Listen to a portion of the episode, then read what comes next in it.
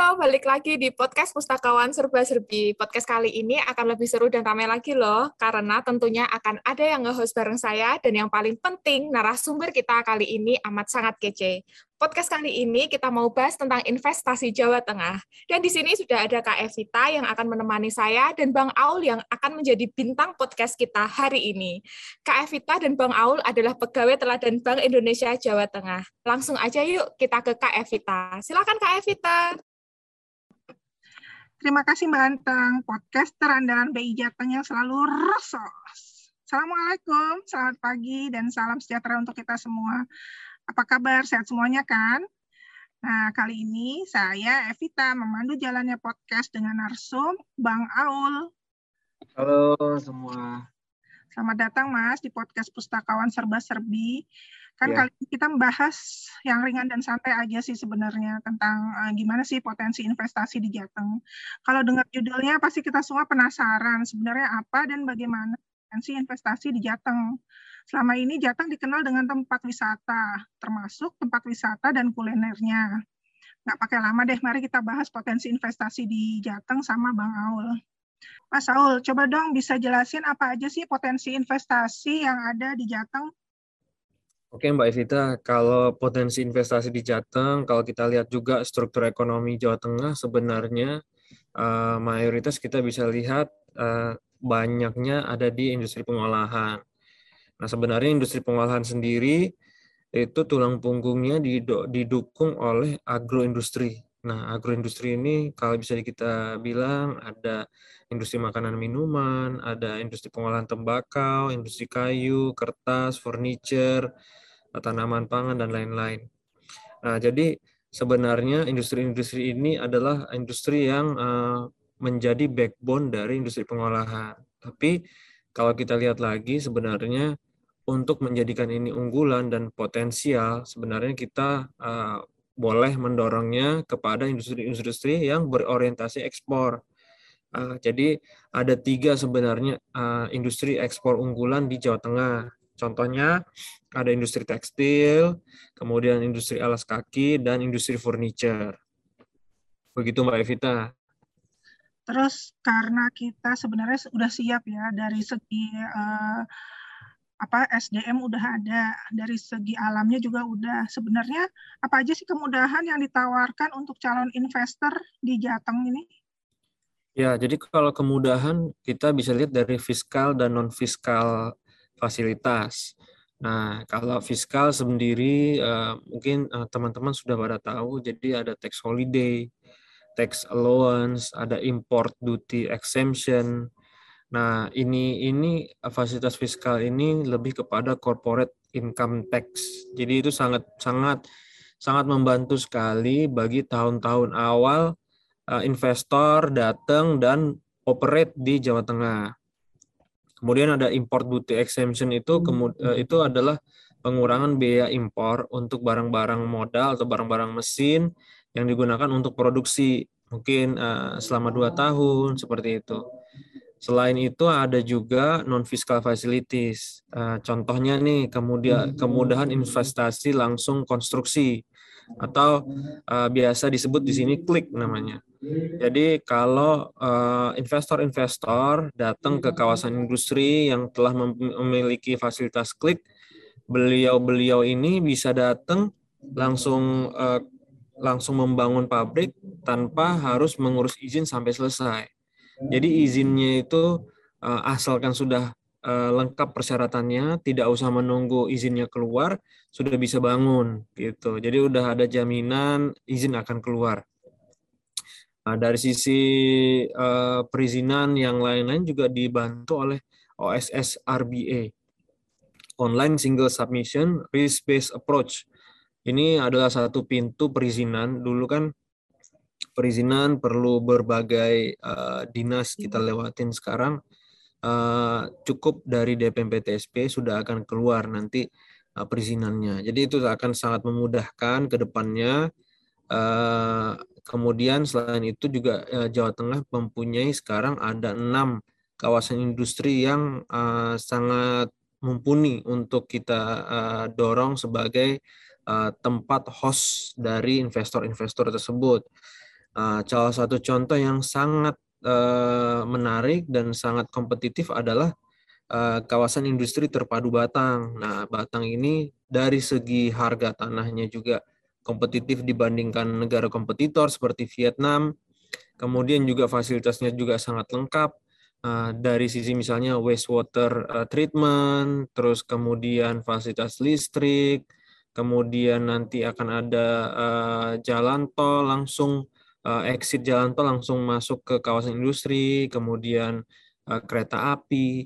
Jadi berbagai fasilitas disediakan oleh pemerintah untuk mendorong kawasan industri terpadu Batang bisa menjadi host dari investor-investor yang terutama medium to high teknologi.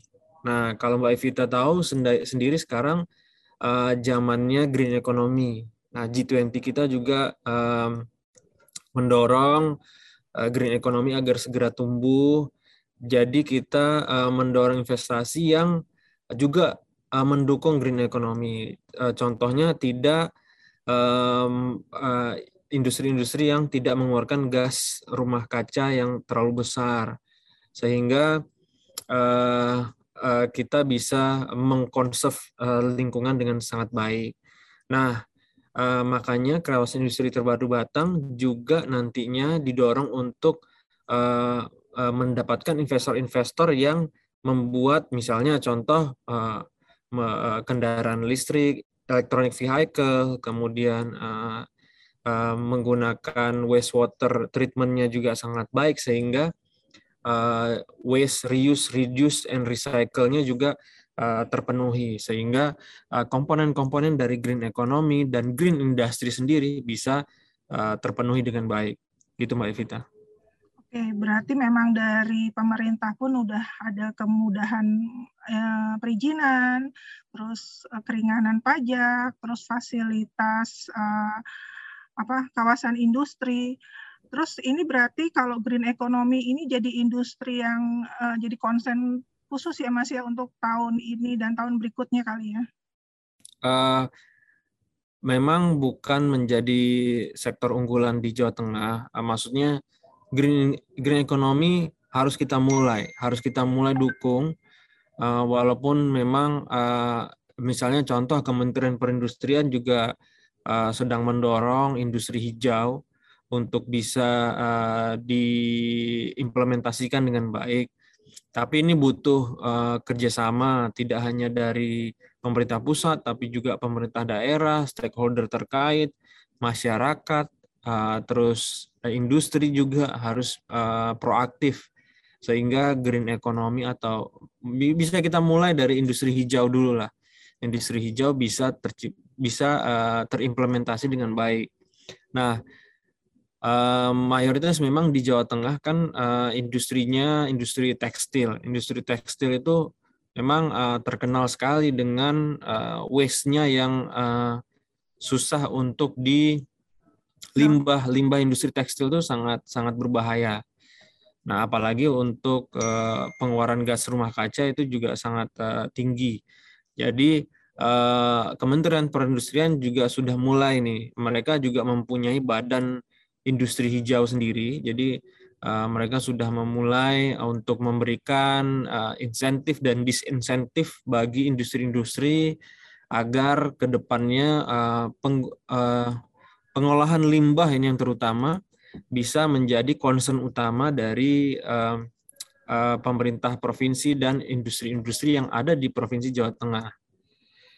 Seperti itu Mbak Evita. Kemudian memang tadi saya uh, lupa mention Mbak. Jadi di Jawa Tengah ini ada kita keunggulan uh, track uh, kereta api kita loop system. Jadi bisa mencakup seluruh kabupaten kota di Jawa Tengah.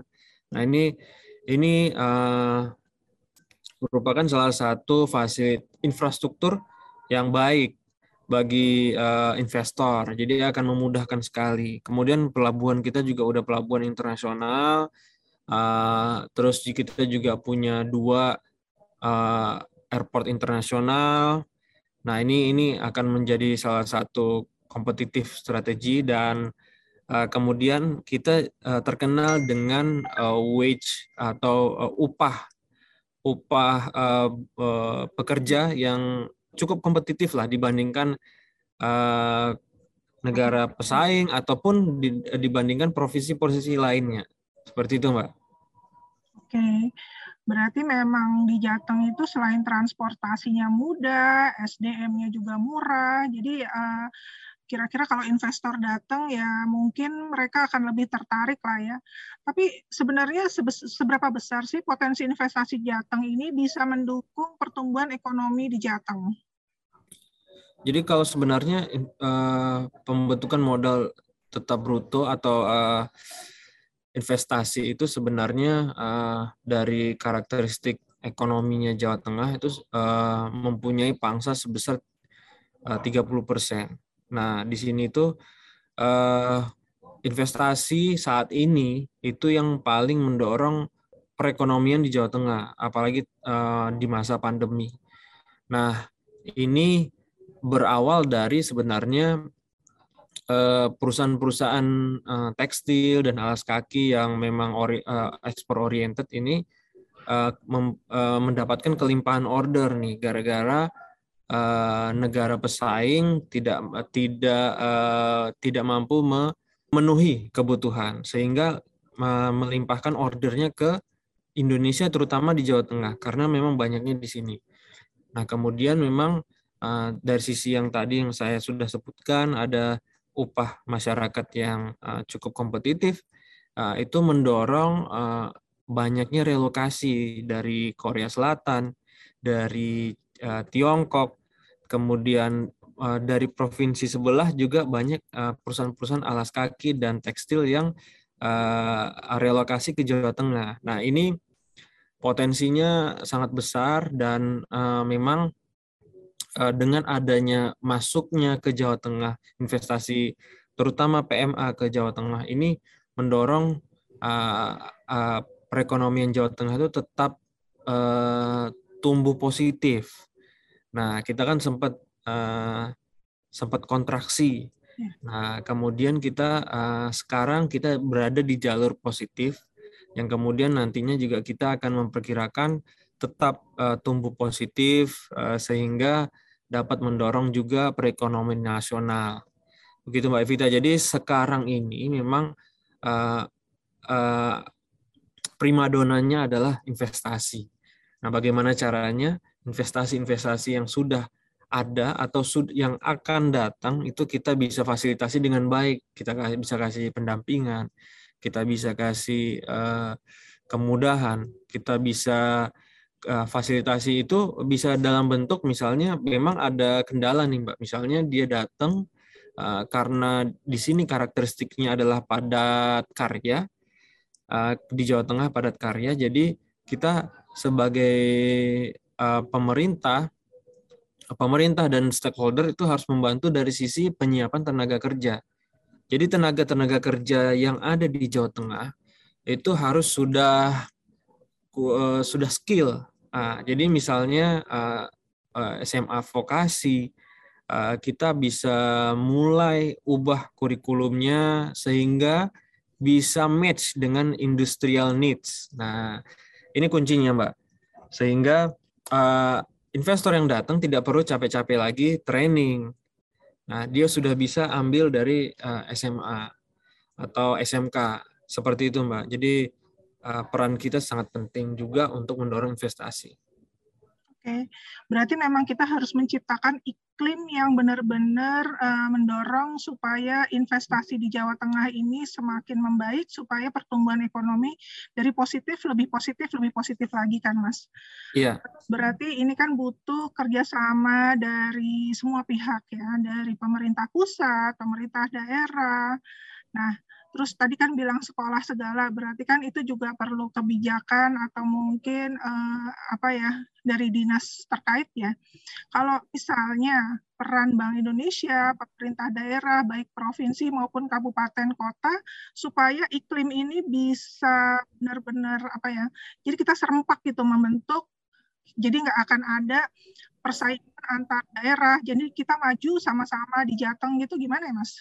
Nah, Kebetulan nih Bank Indonesia bersama dengan pemerintah provinsi dan kabupaten kota kita udah membentuk namanya Regional Investor Relation Unit. Nah, jadi dengan adanya forum bersama ini, kita uh, seperti uh, musyawarah lah. Kita mendorong investasi itu dengan bersama-sama, uh, kerjasama bareng, dan mempunyai visi yang sama. Nah, tidak terlepas dari kabupaten kota yang uh, selalu kita dorong untuk menciptakan ataupun mendorong potensi yang ada di daerahnya. Nah, tidak tidak harus uh, tadi ekspor unggulan tadi, industri yang berorientasi ekspor tadi, tapi bisa juga misalnya uh, memang karakteristik Jawa Tengah kan agroindustri. Jadi bisa juga misalnya contoh kayak di Boyolali, uh, industri pembibitan sapi, uh, kemudian misalnya di uh, Pemalang atau di uh, Pati yang uh, industrinya lebih ke perikanan atau kalau misalnya di Pemalang penyulingan melati, itu juga bisa kita dorong. Jadi karakteristik daerah jangan sampai hilang, kita tetap dorong. Uh, setiap masing-masing kabupaten kota berkesempatan untuk mendapatkan investor, terutama PMA ya kalau kita berbicara PMA, agar uh, sektor unggulan di daerahnya itu tetap berkembang dengan baik. Nah, jika berkembang, tentunya multiplier ekonominya juga sangat besar. Nah, kita bisa lihat nih teman-teman, misalnya adanya investor datang, tentunya efeknya uh, cukup besar karena uh, lapangan pekerjaan terbuka. Kemudian uh, pembangunan infrastruktur itu akan uh, makin baik. Nah, ini ini uh, memberikan multiplier ekonomi yang lumayan besar bagi kabupaten kotanya. Sehingga masing-masing kabupaten kota juga uh, berkontribusi untuk memberikan pertumbuhan ekonomi di provinsi yang nantinya akan uh, mendorong juga pertumbuhan ekonomi di nasional. Gitu, Mbak. Oke. Berarti memang perlu ya kita jadi setiap daerah tuh kan punya kelebihan masing-masing, tapi mungkin kelebihannya akan sama, tapi uh, kelebihan yang sama itu bukannya jadi bersaing, tapi saling mendukung ya Mas ya. Iya. Uh, jadi kan ya pokoknya kita atas nama Jateng gimana caranya membangun ekonomi Jateng dimulai dari kerjasama dari semua pihak. Padahal pemerintah udah ngasih kebijakan jangan sampai uh, si apa calon investor jadi malah apa jadi kurang tertarik yeah. iklimnya terbentuk ya Mas ya. Iya. Yeah.